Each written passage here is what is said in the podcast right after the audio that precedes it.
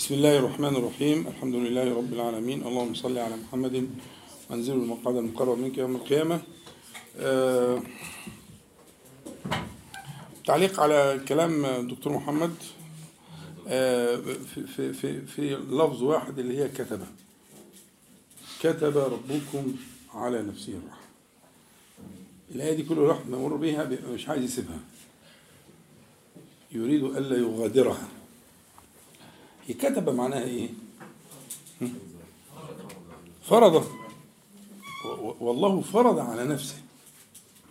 جعله فرضا جعله واجبا. مقتضى ال- ال- المعنى ده إيه؟ إيه مقتضى المعنى ده؟ يعني إيه كتب على نفسه الرحمة ما الذي يترتب على ذلك؟ ما الذي سيترتب على كون الله عز وجل قد فرض قد حكم قد قضى على نفسه بالرحمة رأيكم إيه؟ ما الذي يترتب على ذلك؟ بفعل العبد يعني قول يا عم اللي تقول اسمع هو اللي يعني ها؟ الذي يموت ولم يدرك ذلك فقد خسر آه اليأس يعني نعم كويس؟ من قول. اسماء الله وصفاته آه، إيه من أسماء الله وصفاته؟ إنه أصبح يعني آه، تمام تمام احسنت جميل. هو بس اللي أنا عايزك ما تنساهوش. لا تنسى ابدا أن صفة الرحمة لا تسبق. لأن إحنا اتفقنا زي ما ماشيين بقالنا شوية في الكم مجلس الأخير أن أسماء الله تعالى وصفاته هي على آه، قسمين صح؟ أسماء جلال وأسماء آه جمال أو إكرام فأسماء ال ال اسم الرحمة هو لا شك من أسماء الإيه؟ الجمال والإكرام صح؟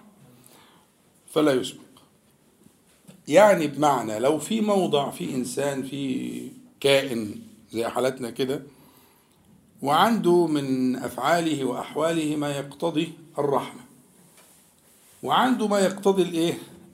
ال- الجلال العقوبة مثلا؟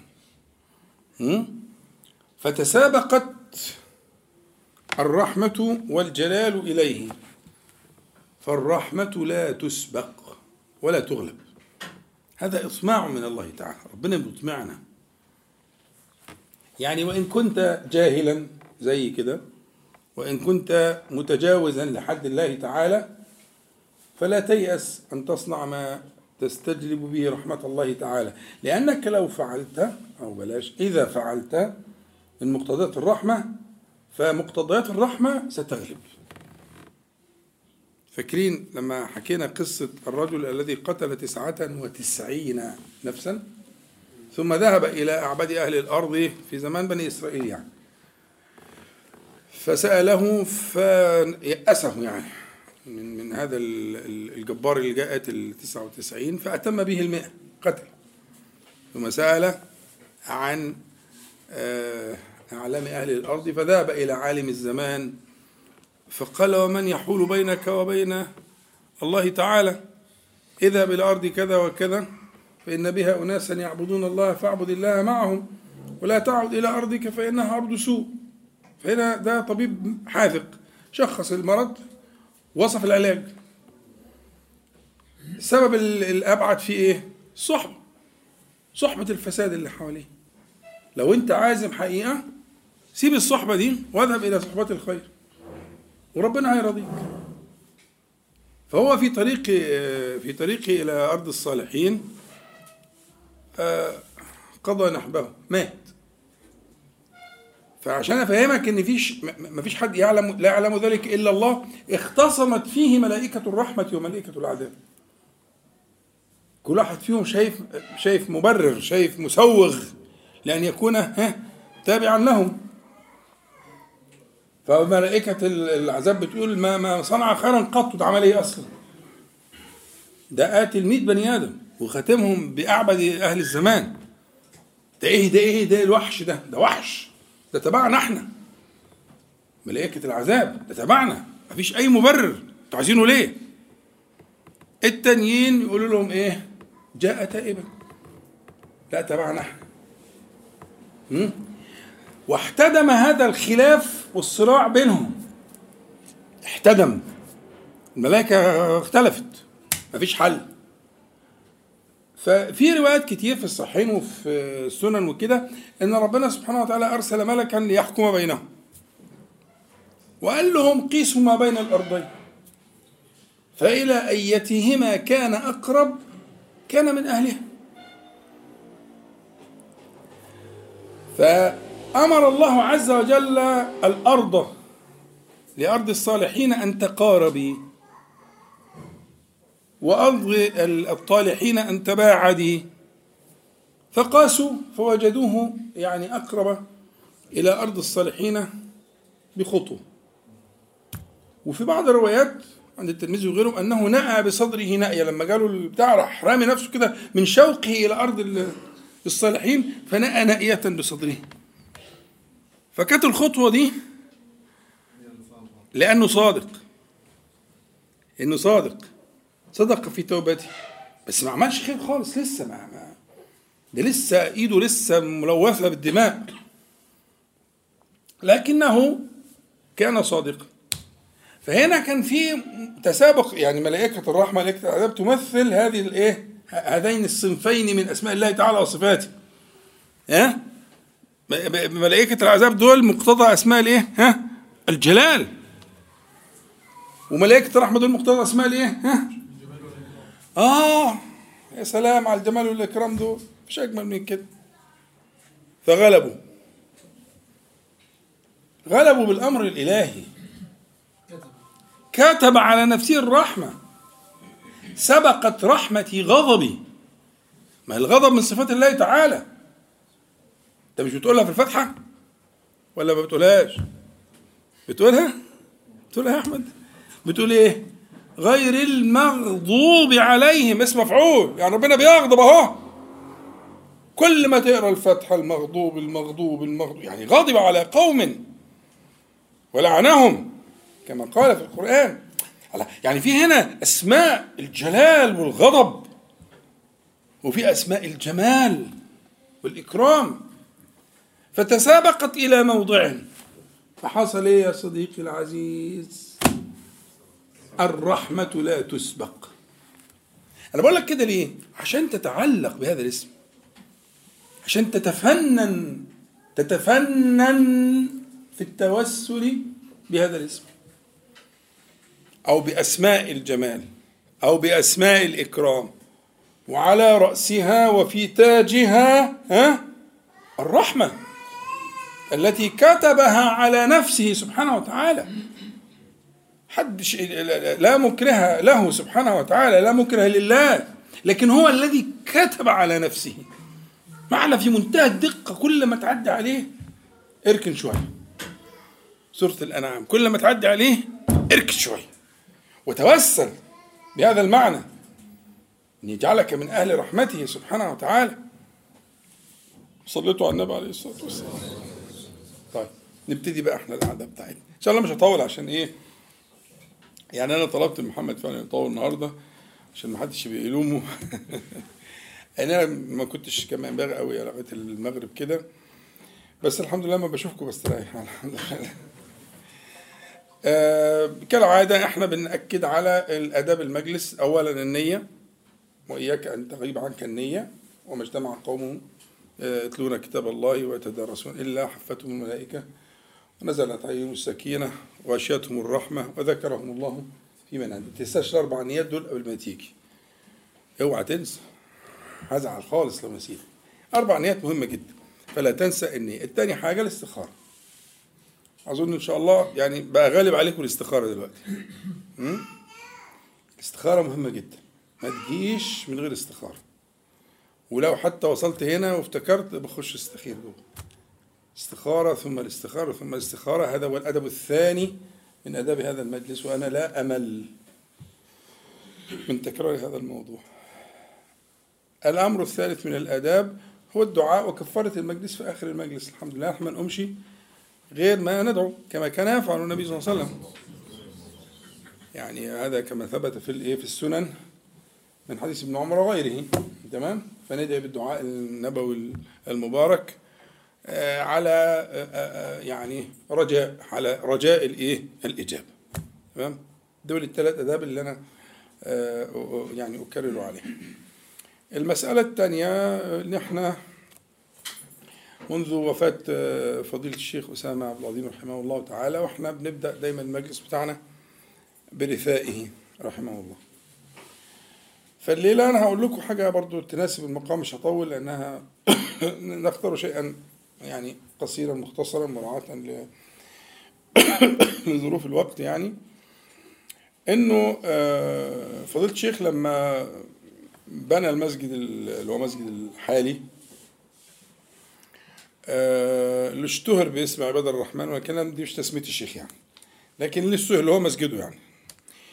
آه، المسجد اتأسس على إن يبقى فيه أدوار يعني مسجد وبعدين تطلع آه، آه، كانوا آه، أربعة أدوار. فكان رحمه الله يحدث المقربين وكنت واحدا منهم وهذا من فضل الله علي يعني. إنه يعني يرجو إن ربنا سبحانه وتعالى يبلغه أن يكون كل دور من هذه الأدوار الأربعة لمذهب من مذاهب أهل السنة. يبقى فيه مشايخ آه، من أهل التخصص من أعلى الدرجات يجلسون يعلمون الأصول والفروع لكل مذهب من المذاهب الأربعة. فيكون الدور الأول مثلا المذهب الحنفي باعتباره هو أقدمها في الزمان. ثم الدور اللي بعديه المذهب المالكي. ثم الدور اللي بعديه المذهب الشافعي. ثم الدور الأخير المذهب الحنبلي. يدرس فيه العلماء والمتخصصون أصول وفروع تلك المذاهب. فيعني هكذا كان يفكر يعني. هذه كانت يعني إذا كان يصح التعبير يعني أن يكون الإنسان له أحلام أو رجاء عند الله سبحانه وتعالى أو كده فكان رحمه الله تعالى يرجو ذلك. ولعل آه، لعل الله تعالى أن آه، يأجره في نيته وإن كان ما حصلش الكلام ده لكنه بيؤسس الفكرة. حتى دايما كنت بقى يعني أقول له يعني زي مسجد السلطان حسن كده في الشيخ يقول لي أيوه بالظبط. لأن مسجد السلطان حسن أربع أدوار وكل دور له مذهب. اللي فيكم راح ويا ريت تروحوا طبعا لانها أماكن يعني فيها أقدام الصالحين والعلماء. فمسجد السلطان حسن أربع أدوار وكل دور فيه مذهب. كان فيه مذهب من المذاهب السنية الأربعة. فكان هو آه، رحمه الله تعالى يعني يرجو ذلك وإن شاء الله يؤجر بنيته. ويكون له من الخلف من إيه؟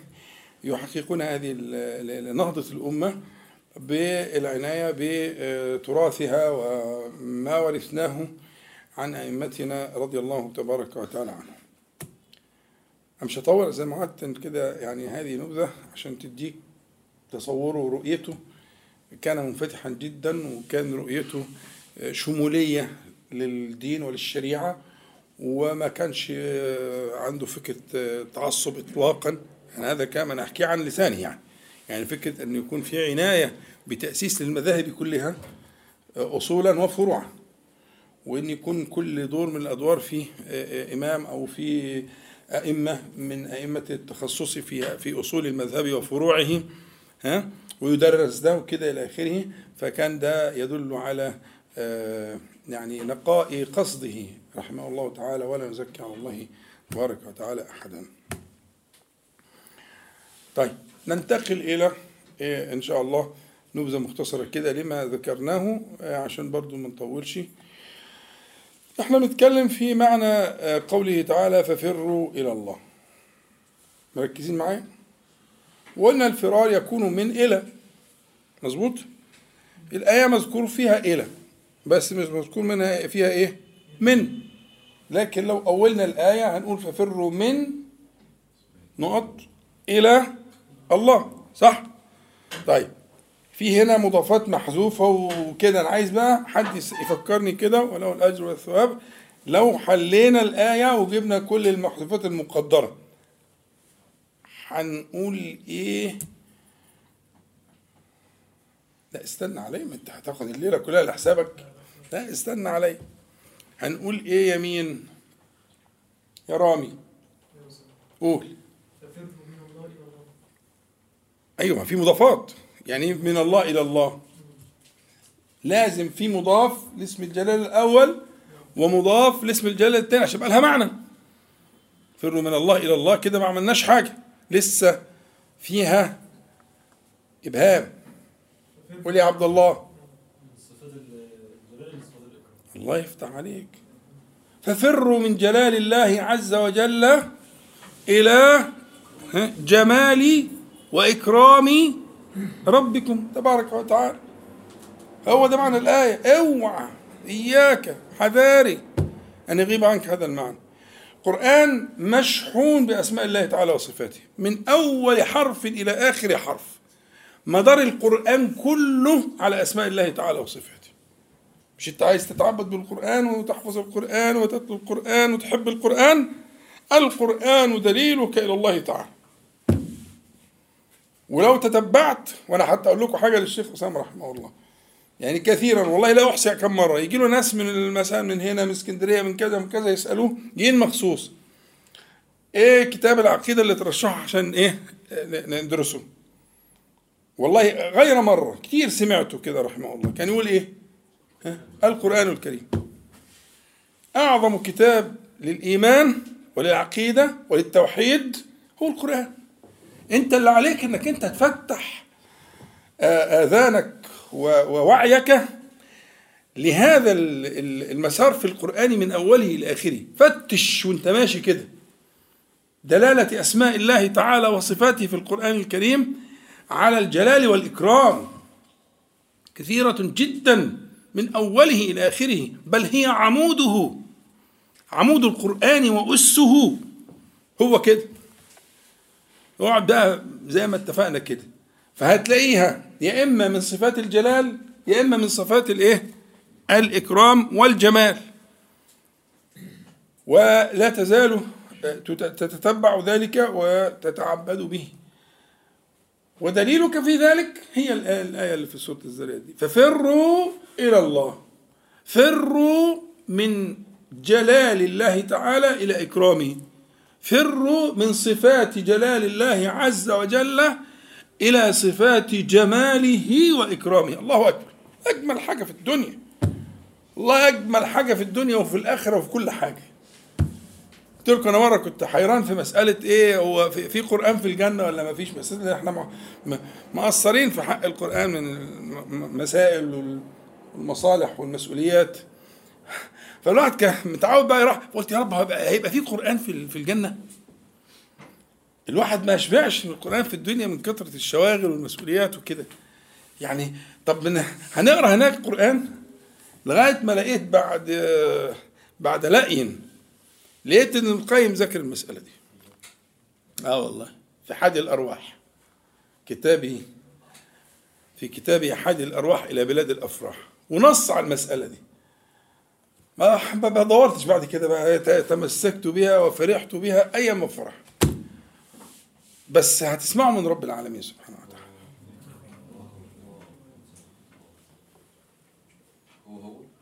آه أمال إيه كلامه؟ سبحانه وتعالى.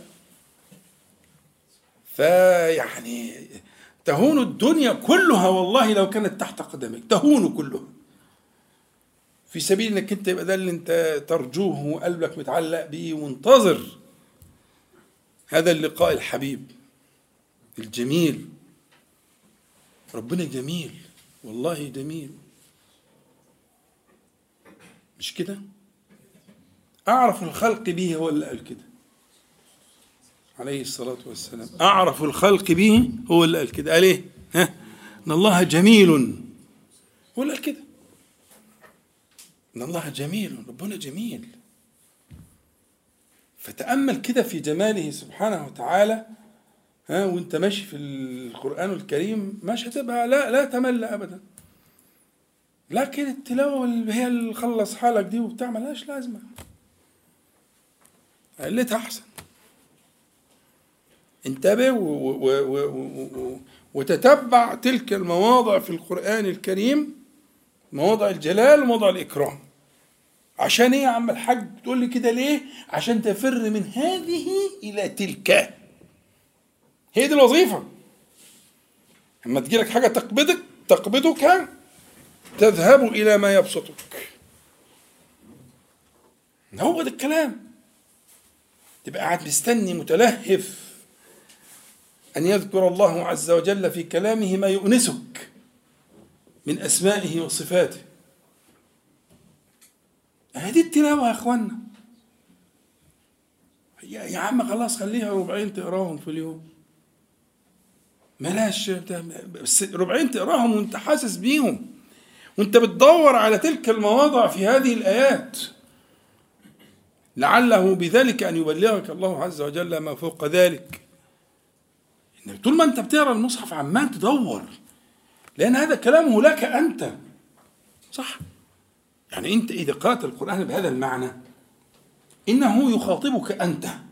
هذا حديثه لك أنت. اسمك فلان ابن فلانه وفلان أنت بعينك أنت. يخاطبك. فتلقى هذا الخطاب أسهل حاجة بالتفتيش على أسمائه وصفاته من أسماء الجلال والإكرام. وتفر من هذه ها إلى تلك. في تلاواتك كلها. طب إيه رأيك لو طبقت ده على الفاتحة؟ اللي بتقراها عشرات المرات في اليوم. الفاتحة مشتملة على أسماء الجلال والإكرام. صح؟ طب يلا ساعدني والحمد لله رب العالمين. الرحمن الرحيم. ده كده الرحمن الرحيم. من في آخر الفاتحة المغضوب عليهم. وده برضه من الجلال. والضالين. الضالين. تمام؟ الله يفتح عليك. يبقى أسماء ال- الجمال من أول الفاتحة من أول بسم الله من أول الرحمن. الرحمن الرحيم مالك يوم الدين. وإن كانت تحتمل الأمرين ها؟ أصل يوم الدين ده في الاثنين بس أنت بقى قلبك يتعلق بالإيه؟ بالحلوة بالجمال صح؟ إياك نعبد وإياك نستعين المستحق للعبادة على الوجه الأتم الأكمل. اهدنا يهدي هو وحده لا شريك له ولا يهدي غيره. يبقى الهادي. الذي يهدي. ليس من أسمائه لكن من صفاته. اهدنا الصراط المستقيم. صراط الذين أنعمت. يبقى هو المنعم. برضه ليس من أسمائه ولكن إيه؟ من صفات جماله. بتعد وراه ولا بتعدش؟ شكلك ما بتعدش وبيعني عد عشان دي الفتحة. هو أنا مش بقول ده الفتحة. راجعها كده من الأول وعد ورايا. جمال جمال جمال بس هي يوم الدين دي اللي فيها الاثنين ها؟ صراط الذين أنعمت المنعم. وما بكم؟ ها قول بقى معايا. من نعمة من الله لا لا شريك له. تمام؟ لغاية هنا بقى نخش في المرعب اللي بعد كده الرعب.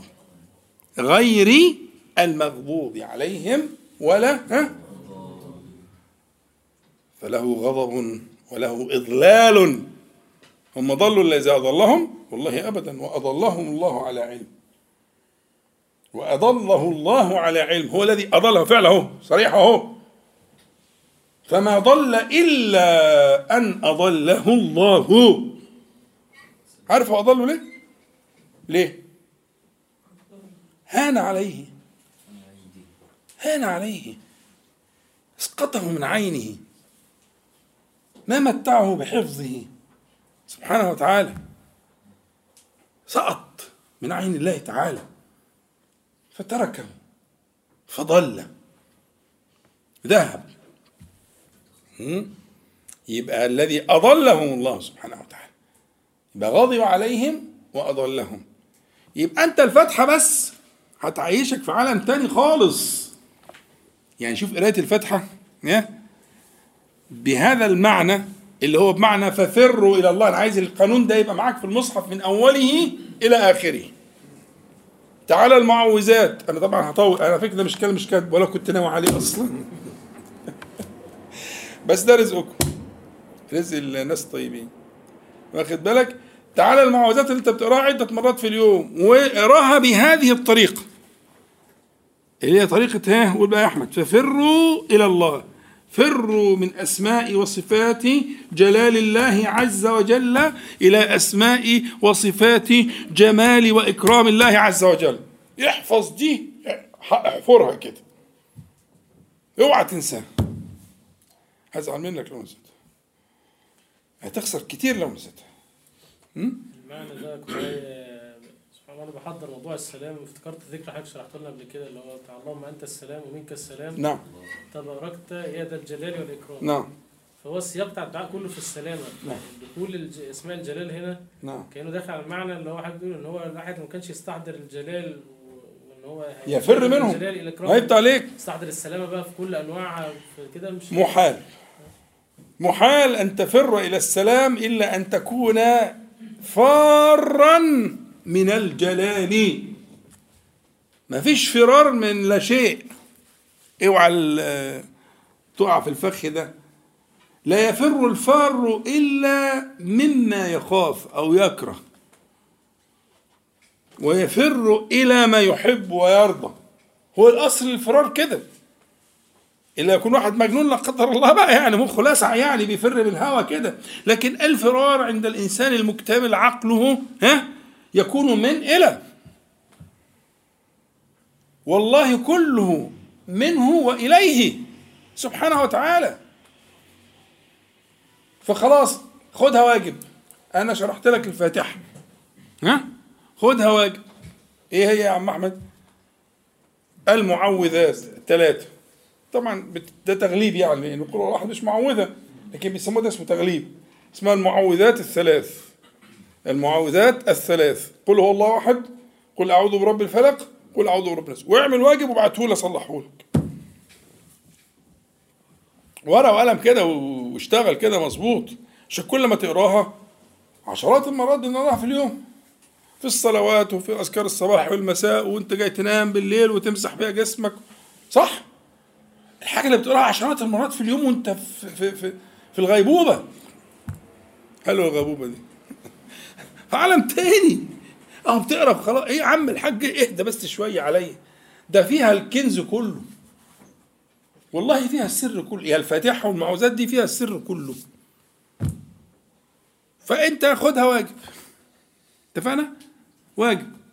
هات المعوذات وحللها لجلال وإكرام. وشوف بقى أنت إيه ستفر من إلى. أنا حللت لك الفاتحة اكتبها برضو عشان ما تنساهاش. كمذاكرة. ويبقى الواجب تعمل إيه؟ ها؟ تعمل آه، آه، المعوذات. الثلاثه شوف الجلال والإكرام فيها فين؟ لتفر من جلاله إلى إكرامه تبارك وتعالى. طيب نكتفي على هذا المقدار ونخلي بقى الحصة الجانب الأولى عشان طولنا عليكم. إن شاء الله وقت قصير. الورقه اهي موجوده الأوراق اهي والأقلام ما شاء الله جميع الألوان. اكتبوا أسئلتكم. إن شاء الله نفتح الاسئله غير محدودة. يعني اللي عايز أي سؤال أي استفسار أي حاجة يكتب وإن شاء الله راحة قصيرة كده اشربوا حاجة سخنة بسرعة كده وإن شاء الله نعود فنستكمل نسأل الله تعالى أن ينفعنا جميعا بما قلنا وما سمعنا. اللهم صل على محمد وأنزل مقام الحرم منك. تفضل. أعوذ بالله من الشيطان الرجيم. بسم الله الرحمن الرحيم. الحمد لله رب العالمين. اللهم صل على محمد وانزله المقعد المقرب منك يوم القيامة. ممكن من غير ما تقوم تسلم السؤال اللي قصادك هيوصلني إن شاء الله.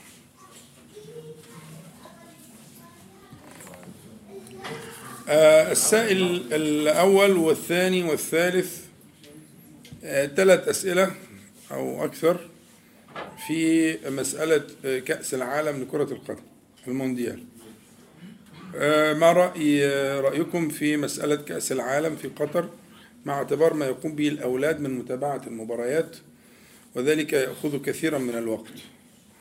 وهل يوجد مفاسد كبيرة بسبب إقامة كأس العالم في قطر فنقاطعه؟ وما رأي فضيلتكم في مسألة سجود اللاعبين؟ فهل تعد لهوا؟ آه، هل مس- مشاهدة المباريات تعد تضييعا للوقت؟ وأن على الملتزم متدين يعني. أن ينشغل بما يعود عليه بالنفع وعلى مجتمعه. يعني الأسئلة كلها حوالين ال- كأس العالم لكرة القدم تدور في هذا الفلك تدور في هذا الفلك. صلوا على حضرة النبي عليه الصلاة والسلام.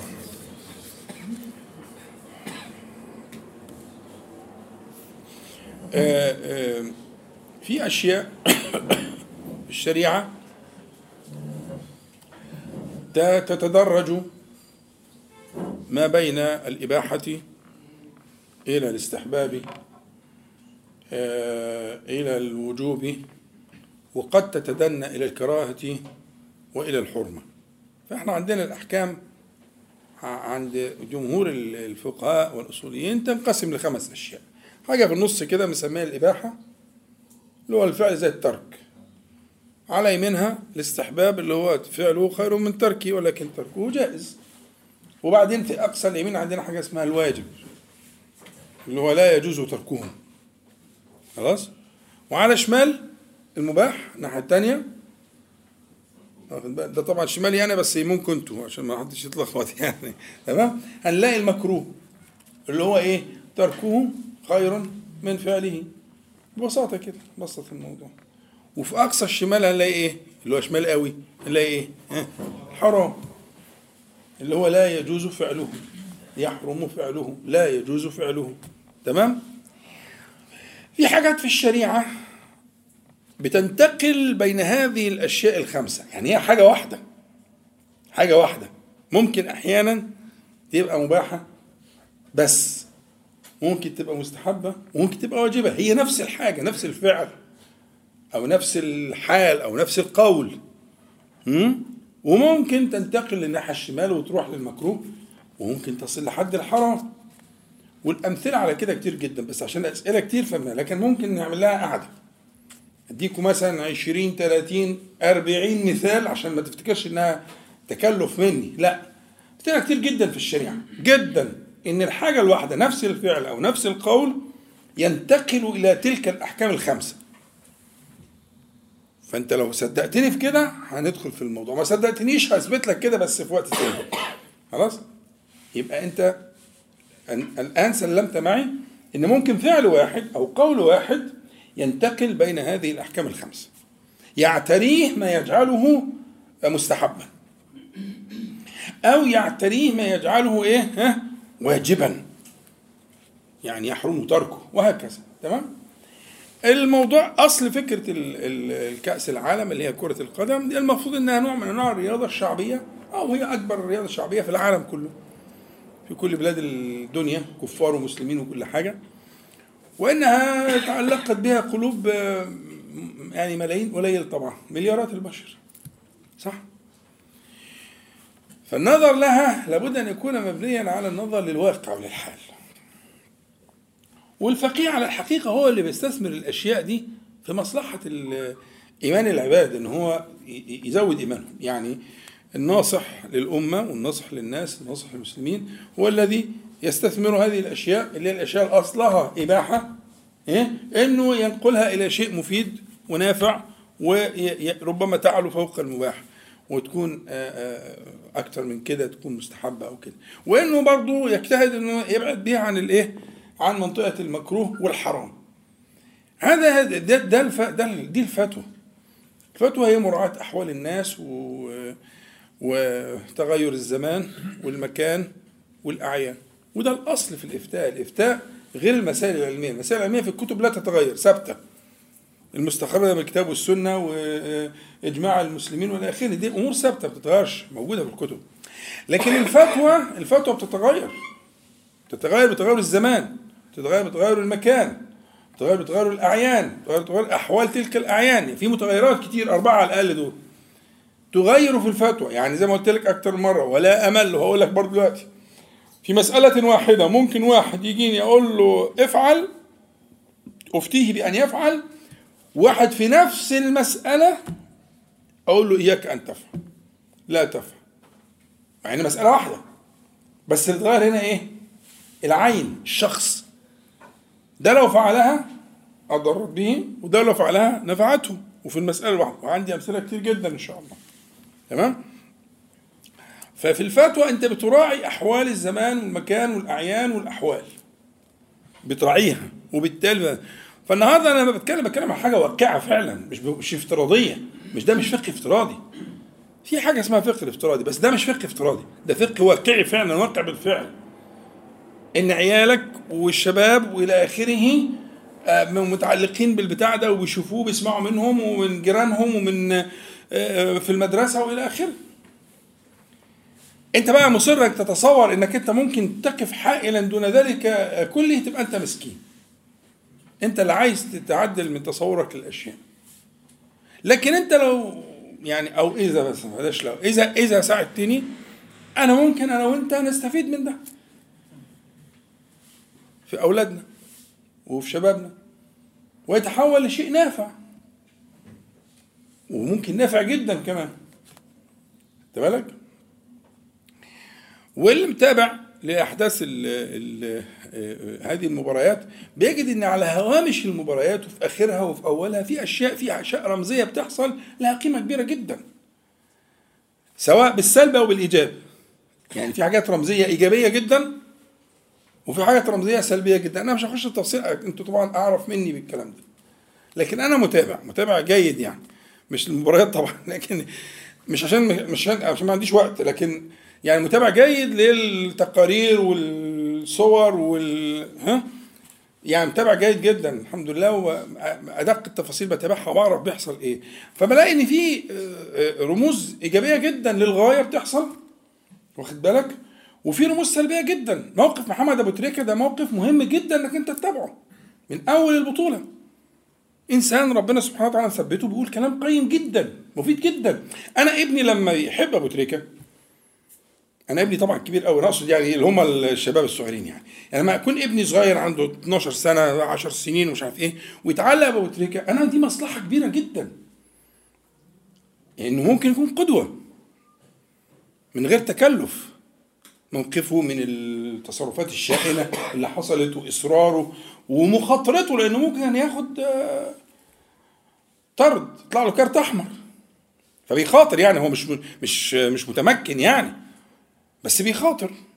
وده كان تاريخه قبل كده كمان. لما تعاطف مع غزة ومش عارف إيه وإيه كان بيخاطر. فأنا واحد زي ده لما ولادنا الصغيرين يتعلقوا بيه مصلحة كبيرة جدا. وتأثيره فيهم أكبر من تأثير كتير جدا من الدعاة والمعلمين والمحفظين. طب ليه ما استثمرش ده؟ ليه ما استثمرش إن أبو تريكة ده مؤثر في الشباب وإيجابي. ويقول كلام جميل جدا ونافع جدا. واخد بالك؟ ويرفع علم فلسطين وإلى آخره. ليه ما عملش كده؟ ليه ما أستفدش بالفايدة المفيدة دي التي لا أبلغها بالحاجات العادية؟ أقعد أديهم محاضرة عن فلسطين غير لما يشوفوا هم رافعين علم فلسطين. المغرب لما كسبت رفعوا علم فلسطين في الصورة الجماعية. علم المغرب في الجنب وعلم فلسطين في النص. طب ما تستثمر ده مع ولادك أنا مرة كنا في رحلة وسألت الولاد إيه الفرق بين فلسطين وإسرائيل؟ ما عرفوش. وكانوا يجي 60 70 عيل. فالموضوع في خطر. مش ولادي طبعا يعني بس كنت معزوم يعني. كانوا دعوني في رحلة إن أنا كان فاقترحت عليهم إن نعمل حوار مباشر وكده فقالوا اتفضل. فسألتهم قلت لهم إيه الفرق بين فلسطين وإسرائيل؟ عيال كلهم إيه ثانوي يعني مش ثانوي اعدادي مش أطفال ابتدائي يعني. آه والله إعدادي وثانوي إجابات بقى مخزية جدا ومؤلمة جدا. طب ما هو أنت ممكن ده يفهم ويعرف. وبالحتة اللي بيحبها والموقف اللي مش بيحبه وأنت تزرع ذلك في قلبه زرعا. فينبت نبتا. انت ليه كده واخد موقف متشنج؟ في إيجابيات كتير جدا في سلبيات طبعا مش عايز الكلام. لكن في إيجابيات كثيرة جدا. وايه في الدنيا خاليه من السلبيات. إيه هو؟ يلا إديني مثال. حاجة في الشريعة خلت من السلبيات. طب أنا أقول لك حاجة. ذروة سنام الأمر في الإسلام إيه؟ ها؟ الجهاد مش كده؟ الجهاد خالي عن السلبيات؟ خالي عن الضرر وجاهدوا ها بأموالهم وأنفسهم. الجهاد فيه بذل أو ضياع أو إفساد للمال والنفس. والشريعة جت لحفظ المال والنفس بعد الدين يعني. الشريعة جت تحفظ خمس أشياء. أولها الدين تانيها النفس ثالثها المال. الجهاد بيدمر اتنين بس المصلحة فيه إيه؟ ها؟ أعلى وأكبر وأبقى. فصار أوجب الواجبات وذروة السنام والقصة الجميلة دي.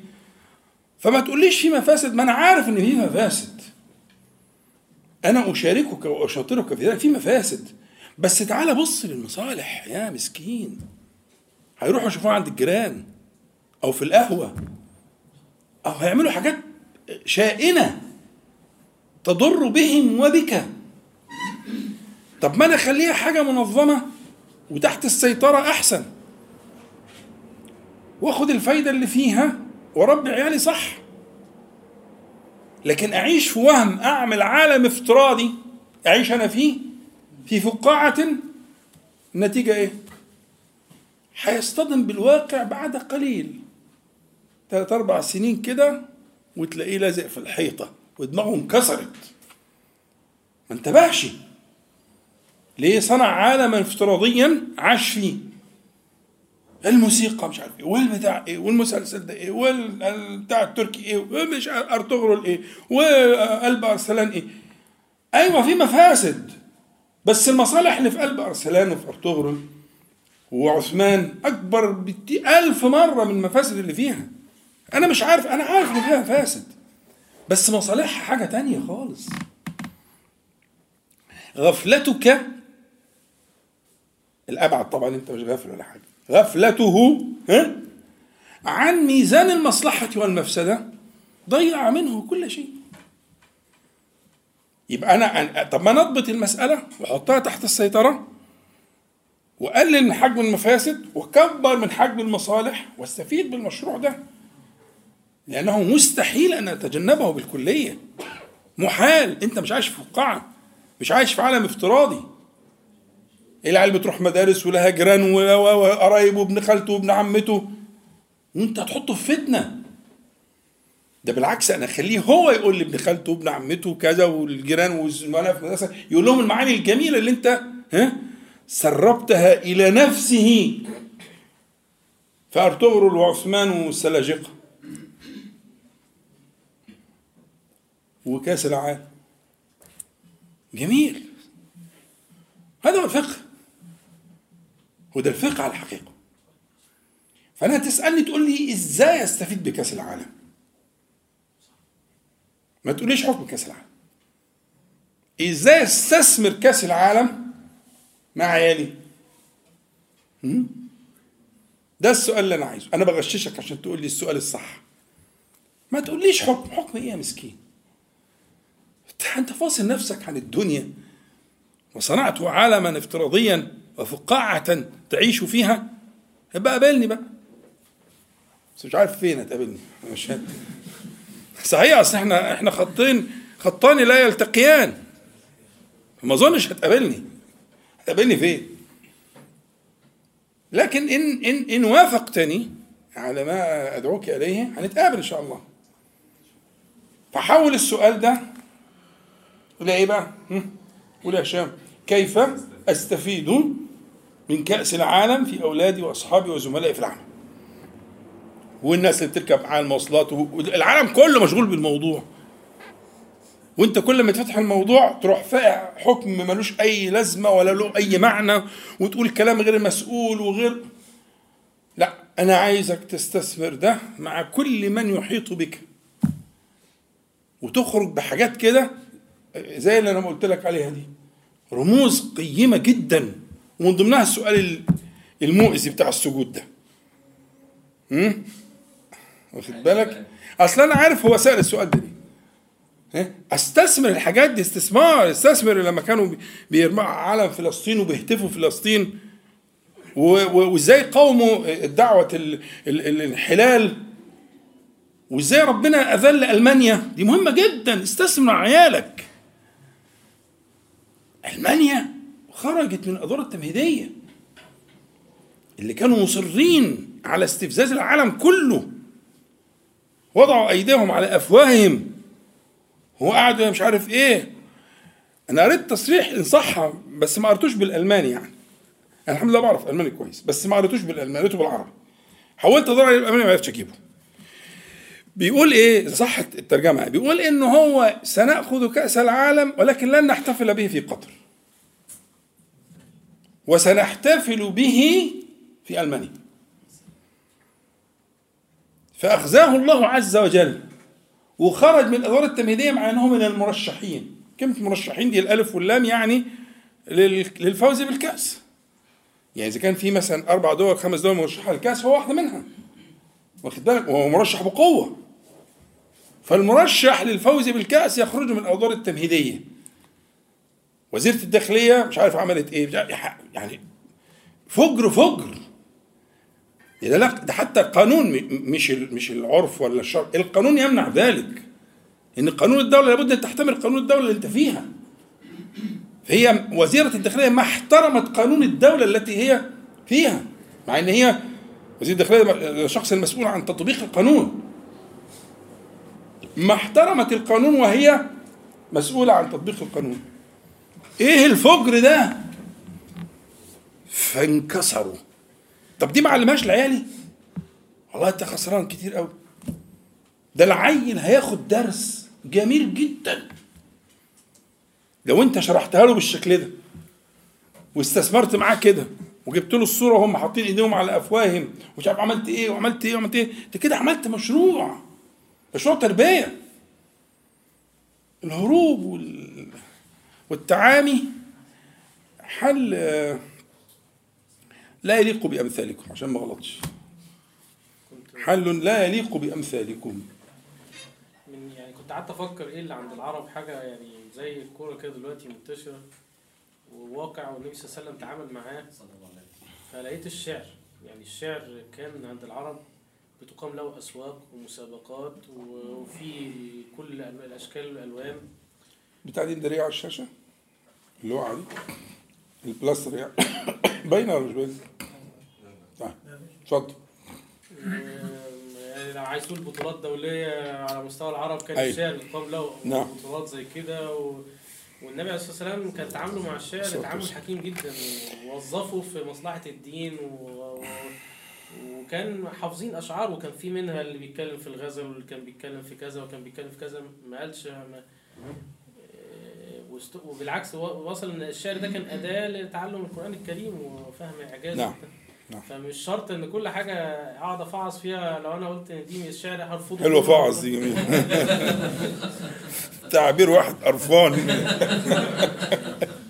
الله يفتح عليك يا محمد بقى هو جرجرنا الحتة بس أنا مش عايز أتوه معاكم بس يعني عارفين أشهر قصيدة آه، أنشدت بين يدي النبي صلى الله عليه وسلم كانت لواحد أحل النبي صلى الله عليه وسلم دمه.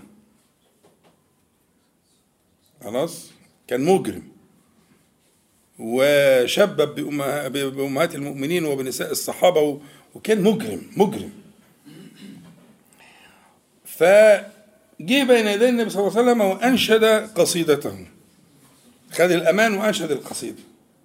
القصيدة فيها تشبيب وغزل. كلام يعني يعني اللي هو الكلام بتاع الأغاني بتوعكم ده. يعني ها؟ بان السعاد فقلبي اليوم متبول بحب يعني أول بيت في القصيدة صياعة. أول بيت يذكر فيه النبي صلى الله عليه وسلم هو البيت رقم كام؟ خبط كده معايا. البيت رقم 62 يعني النبي صلى الله عليه وسلم قعد يسمعه أكثر من 60 بيت في غير الغرض. ومش كده وبس. وعفى عنه وأعطاه بردته عشان صلح كل العبط اللي عمله. والخوض الذي خاضه في الصحابة رضي الله عنهم. وسارت هذه القص- القصيدة إلى يوم هذا وإلى يوم الدين. ها؟ أبو زهير بن أبي سلمى زهير بن سلمى معلقته كتبت بماء الذهب على الكعبة. حكيم شعراء العرب. أنا كنت أحفظ معلقته. من جمالها. بحب الشعر على فكرة.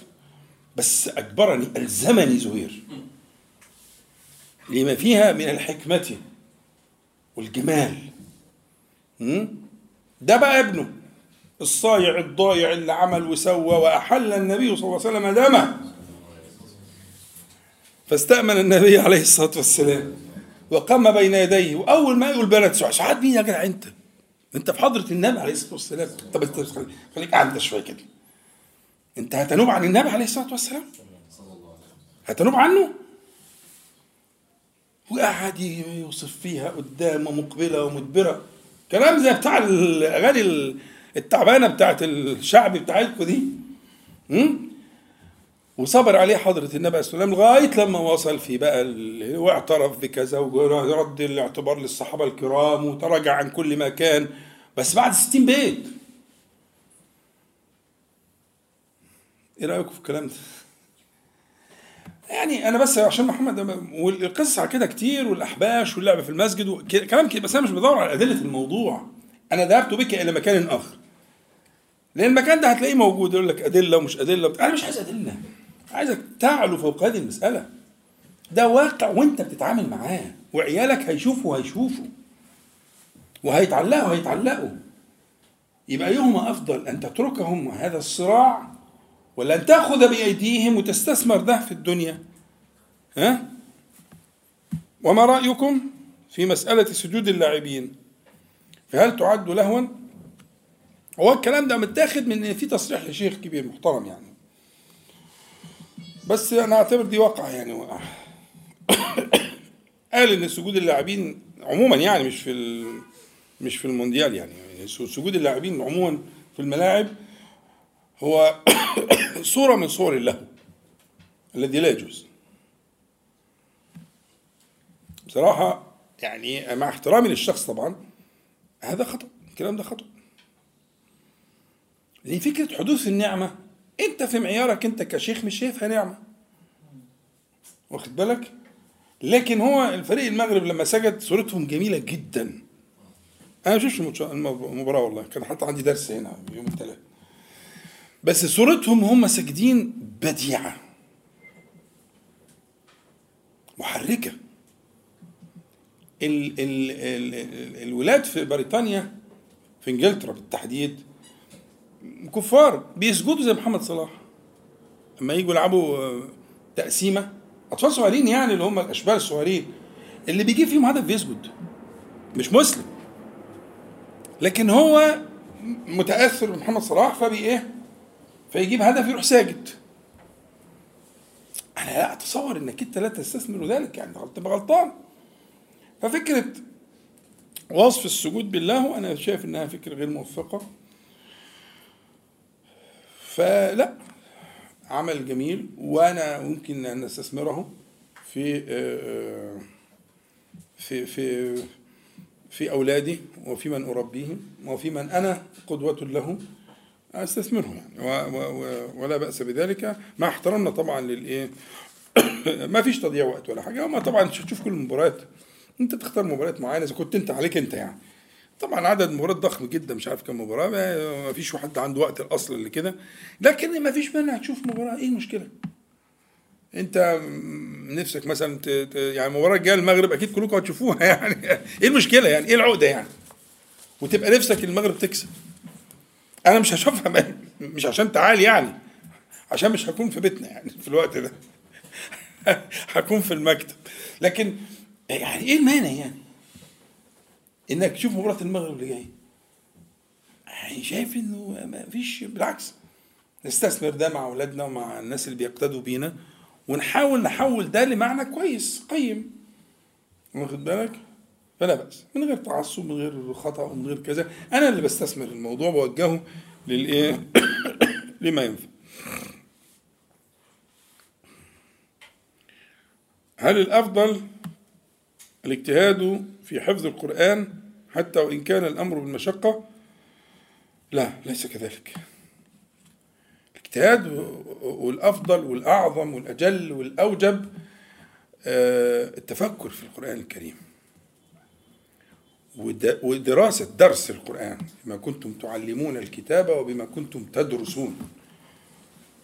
مش تحفظون. وحفظة القرآن الكريم في الأمة دائما قلة. مش الأكثر. وأنت لما تخاطب خاطب الأكثر مش الأقل.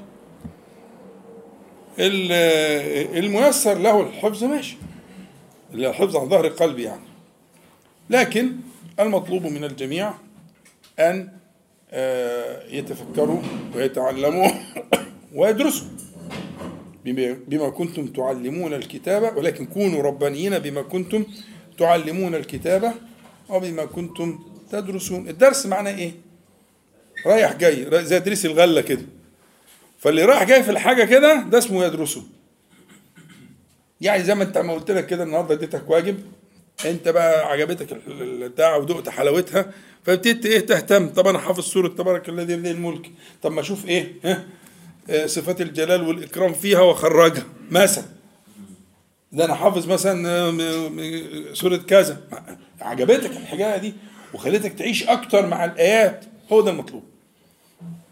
لكن الحفظ ده له يعني ما اختار الله تعالى لحفظ الق- القرآن الكريم وهم الأقلون ليسوا الأكثرين. الله أعلم. فلا لا لا, لا ليس الأفضل. الأفضل ما يناسبك أنت يناسب ملكاتك ويناسب وقتك وجهدك وكده. هو ده الأفضل. لكن ليس الأفضل حفظ القرآن. وأنا أعلم ناس أمضت آه، عقودا في محاولة حفظ القرآن ويعني كان الأولى بها ما أقول لك. تفكر تأمل آه، الدراسة? الذكر الكثير التلاوة هو ده الكلام. صحبة القرآن زي محمد بيقول كده تكون صاحبا له. هو ده الكلام. لكن الحفظ دائما الحفاظ هم الأقلون في الناس. وعلى فكرة ده مش تقليل يا بس فاهم الكلام اللي هقول لك ده صح بس يعني إيه وظفه صح. أنا أعرف ناس حافظة القرآن مش مستفيدة بيه.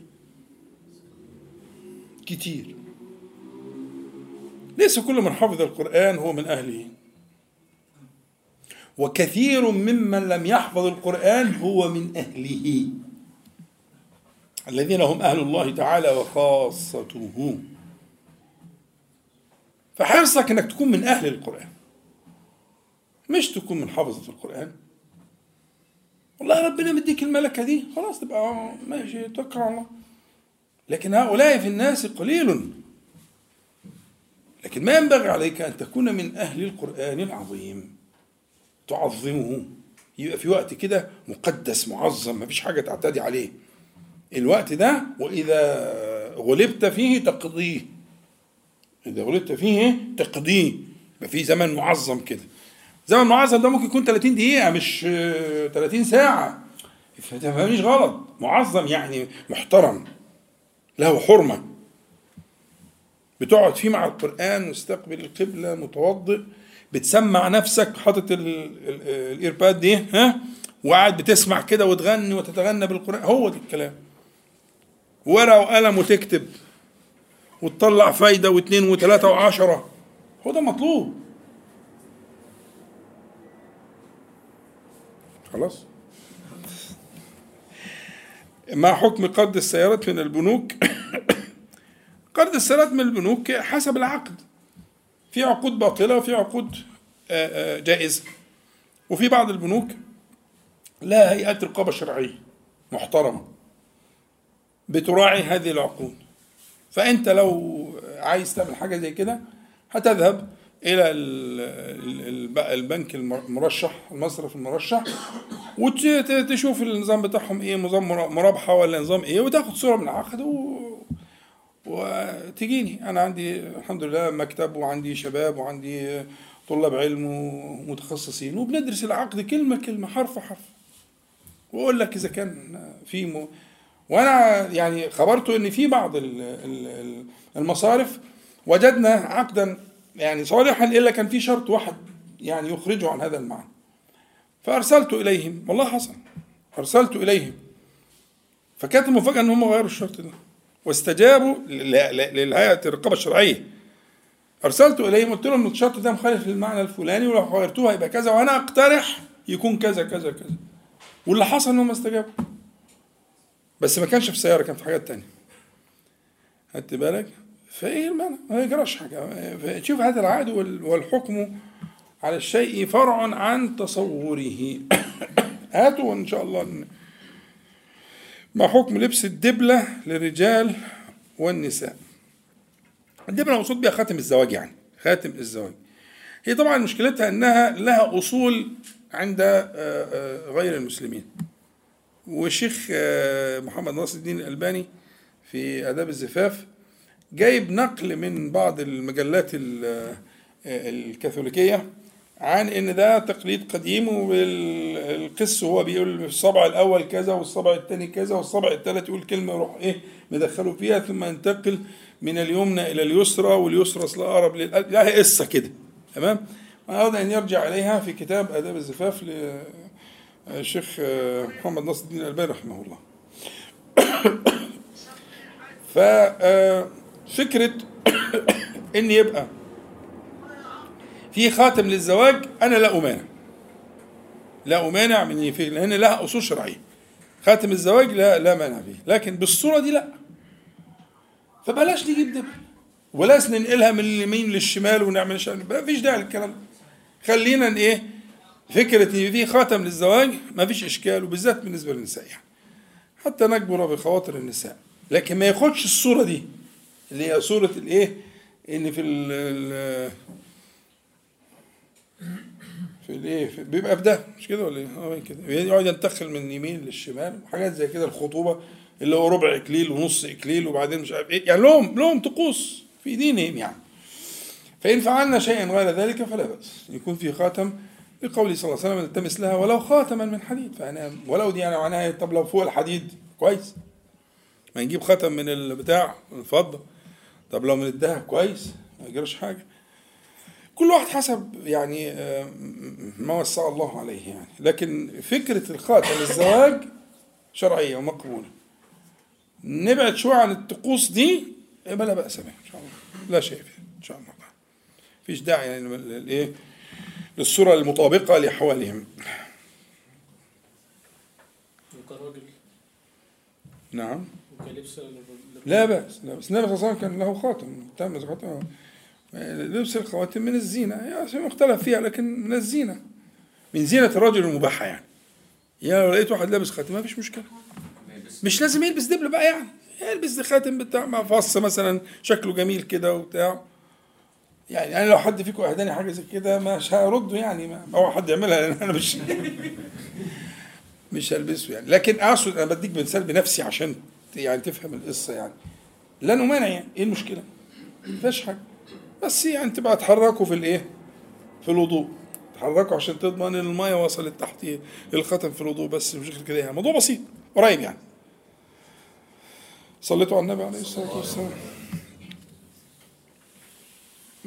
ما حكمه مش عارف مزع ولا نزع إيه دي؟ الهاتف أو تنظيم الهاتف للأولاد سن 11 خمس- 16 15 سنة. مش عارف مزع ولا نزع الهاتف يعني إيه؟ الهاتف دلوقتي في إيد الأولاد. يعني تقريبا يعني. لكن التنظيم ووضع البرامج المنظمة وإنك أنت تبقى متحكم آه، في هواتفهم ده حتى ال ال ال الكفار عاملينه. دي دي, دي برامج موجودة على على جوجل وعلى يعني أنت بتنزل برنامج وحتى هما بيسألوا سن المستخدم سنه قد إيه؟ عشان يسمح له بدخول إيه وما يسمحلوش. هو عنده كده. فإن كانوا الكفار عملوا كده يبقى إحنا أولى. مفيش مشكلة. فكرة التنظيم والترتيب والمواعيد والنظر عشان المخ وبالذات السن الصغير لأن السن الصغير بيتأثر تكوين خلايا المخ بال- بالنظر. الحاجات دي كلها مكتوبة. ما فيش مش هي سهلة جدا اللي هي وسائل تنظيم الانتفاع بالإيه؟ بالهواتف بالنسبة للأعمار المختلفة.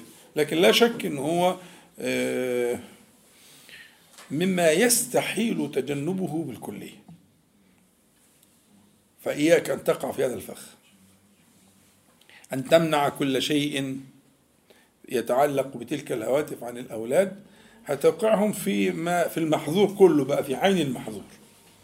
لكن أن تنظم أن تنظمه أن ترتبه معاك تماما.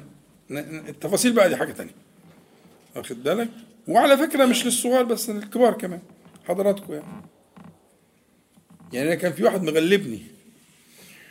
راجل صالح ويحفظ القرآن الكريم بس مغلبني في حكاية الهاتف ده. عامل معاه مشاكل مش كويسة. ويعني طلب مني أكتر من مرة إن أنا أساعده وكده ومش عارف إيه. وكل ما أساعده كالزئبق. من هنا ومن هناك. فقلت له أقترح عليك اقتراح أخير. إيه رأيك لو جعلتني معك في هاتفك؟ في برامج تخليك معاه. يعني أي حاجة يفتحها هيجي لك إشعار بيها وتتفتح عندك. فهو من كتر من كثرة ضيقه من نفسه قال لي ماشي. أنا ما صدقت قال ماشي دي. وعملنا التطبيق ده وكان ده الحل الحمد لله. الحل الناجع النهائي. خلصت المسألة.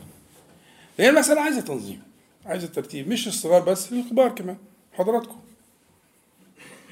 اعمل العدادات اعمل البرامج المحددة اعمل البرامج المضيقة ودي كتير جدا الحمد لله وكلها مجانية. حدد نفسك ما تسترسلش حتى لو حاجة مباحة. الاستكثار من المباح أصلا مضيع. فحتى لو شيء مباح. فيعني أن تضع إيه؟ السؤال الرابع ما حكم سماع الأغاني للأطفال؟ والله المسألة دي كلمة الأغاني دي لا شيء فيها قول واحدا باتفاق المسلمين. أنت تقصد المعازف. لكن الغناء جائز. ولا شيء فيه. ما لا أنت مش واخد بالك من الكلام. الغناء حاجة والمعازف حاجة. الغناء هو الشعر المنظوم والنثر وهذا كان موجود عند العرب. وكان بين يدي النبي صلى الله عليه وسلم ولا في حاجة خالص. فالغناء نفسه لا شيء فيه. الكلام السؤال بيبقى على إيه؟ على المعازف على الآلات العزف والطرب وكده. دي اللي فيها خلاف بين الفقهاء و يعني اختلف بقى الموضوع من عصر إلى عصر إلى عصر.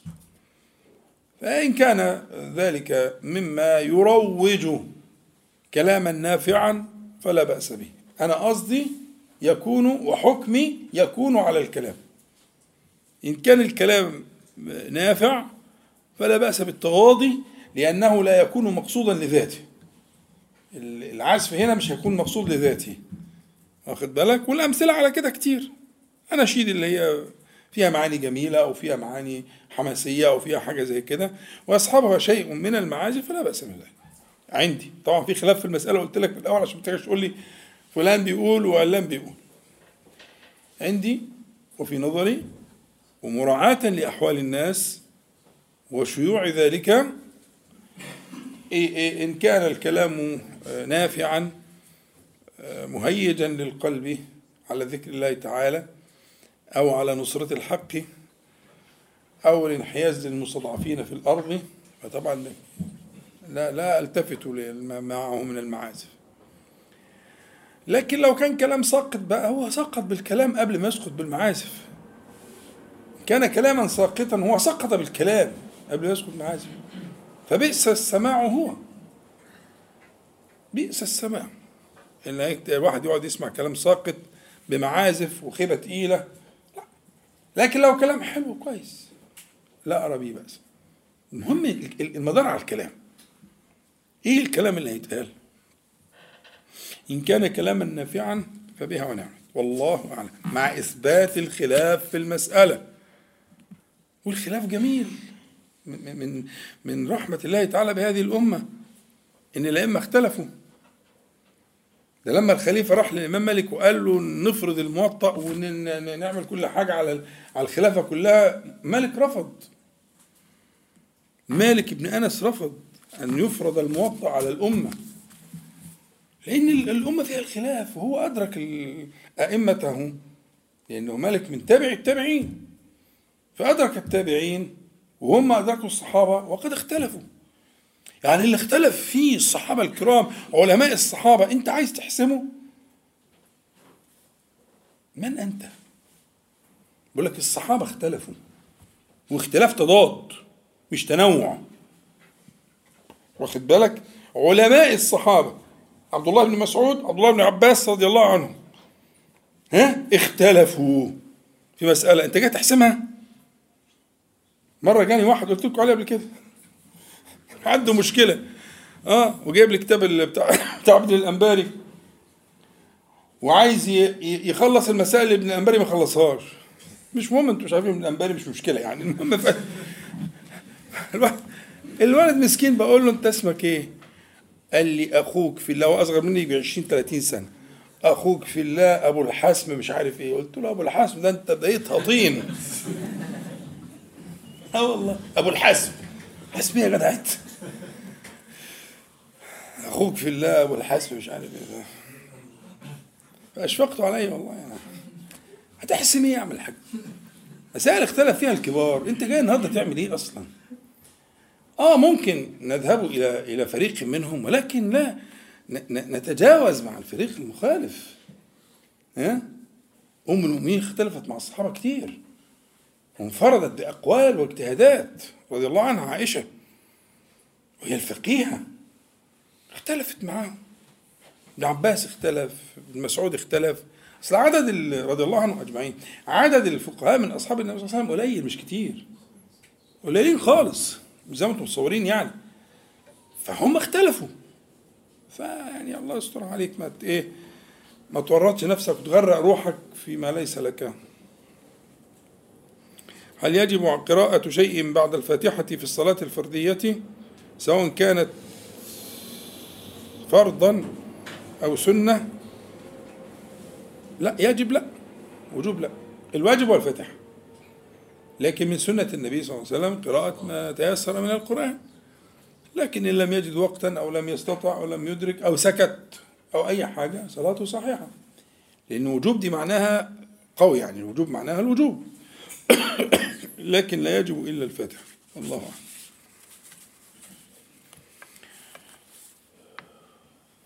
هل السعي منوط بحدوث الرزق؟ وما هو فائدة السعي؟ وأن الرزق مقدر مكتوب. ما يقصد مع أن الرزق مقدر ومكتوب. هل الأرزاق تتأثر بالذنوب والمعاصي؟ بمعنى أن يحرم المرء من رزق معين بالذنوب؟ وهل يؤجل الرزق إلى حدوث التوبة؟ ده درس. ده درس. فأنا أعده أعد كاتب هذا إن شاء الله لو في عمره أجل هنبدأ بيه الحصة الجاية إن شاء الله. بس أنا عايز أقول كلمة واحدة بس قبل من إيه بس أحتفظ بيها. كلمة واحدة. هو لما حط الألف واللام على الرزق ضيق الدائرة. في تقديري يعني. السكينة رزق. وحسن الظن بالله تعالى رزق. فيعني كلمة الرزق لو عايز عايزها صح يبقى نقراها صح. وهنجاوب على السؤال. بس بعد ما نقول إيه ما هو الرزق؟ ماذا تقصده بالرزق؟ هل تقصده بالرزق المال؟ أو ما يكون من الفاني من الدنيا؟ هو رزق طبعا. مش عايز مش مش هسميه هو رزق. بس لما دخلت عليها الألف واللام الرزق. دي بقى النقطة اللي أنا عايز أنبهك لها. فإن كنت تقصده بتلك الألف واللام هذه الدائرة الواسعة ون- ونقعد مع بعض نرتبها حسب الأهمية والفائدة ونقول مثلا السكينة سكينة القلب يقينك على الله تعالى فرحك بالله عز وجل إذا اتفقنا على كده هجاوب السؤال معاك. بس لازم نتفق الأول ما هو إيه؟ ال ال ال الرزق. الألف واللام ده. وبعد ما نتفق على كده أعدك إن شاء الله تعالى أن أجيبك. طيب. هو شكله نفس السائل. السؤالين بتوعك خليهم المرة الجاية. أنت طبعا سؤال فقهي يعني التزامن بين قول الله أكبر في الانتقال من ركن إلى ركن في الصلاة. بدون قصد وأدركت مش عارف إيه رأي المحدثين المعاصرين المتقدمين في الحكم على الأحاديث. دي مسائل يعني إن شاء الله خلاص السؤالين دول أنا مش هدخلهم ال- كده. وإن شاء الله نبدأ بهذه الأسئلة وبهذا ال- ال- الأخ الكريم في المجلس القادم. نسأل الله العلي القدير أن ينفعنا جميعا بما قلنا وما سمعنا. وأن يجعله حجة لنا لا علينا يا رب العالمين. وأن يعيذنا وإياكم وسائر إخواننا من المسلمين والمسلمات من شرور أنفسنا ومن سيئات أعمالنا. اللهم صل على محمد وأنزله المقعد المقرب منك يوم القيامة. اللهم أقسم لنا من خشيتك ما تحول به بيننا وبين معاصيك ومن طاعتك ما تبلغنا به جنتك ومن اليقين ما تهون به علينا مصائب الدنيا. اللهم متعنا بأسماعنا أبصارنا وقوتنا ما أحييتنا. واجعله الوارث منا واجعل ثأرنا على من ظلمنا. وانصرنا على من عادانا. ولا تجعل مصيبتنا في ديننا ولا تجعل الدنيا أكبر همنا ولا مبلغ علمنا. ولا تسلط علينا من لا يرحمنا. اللهم ربنا آتنا في الدنيا حسنة وفي الآخرة حسنة. وقنا عذاب النار. اللهم صل على محمد وأنزله المقعد المقرب منك يوم القيامة. الحمد لله رب العالمين. نقول جميعا سبحانك اللهم ربنا وبحمدك أشهد أن لا إله إلا أنت أستغفرك وأتوب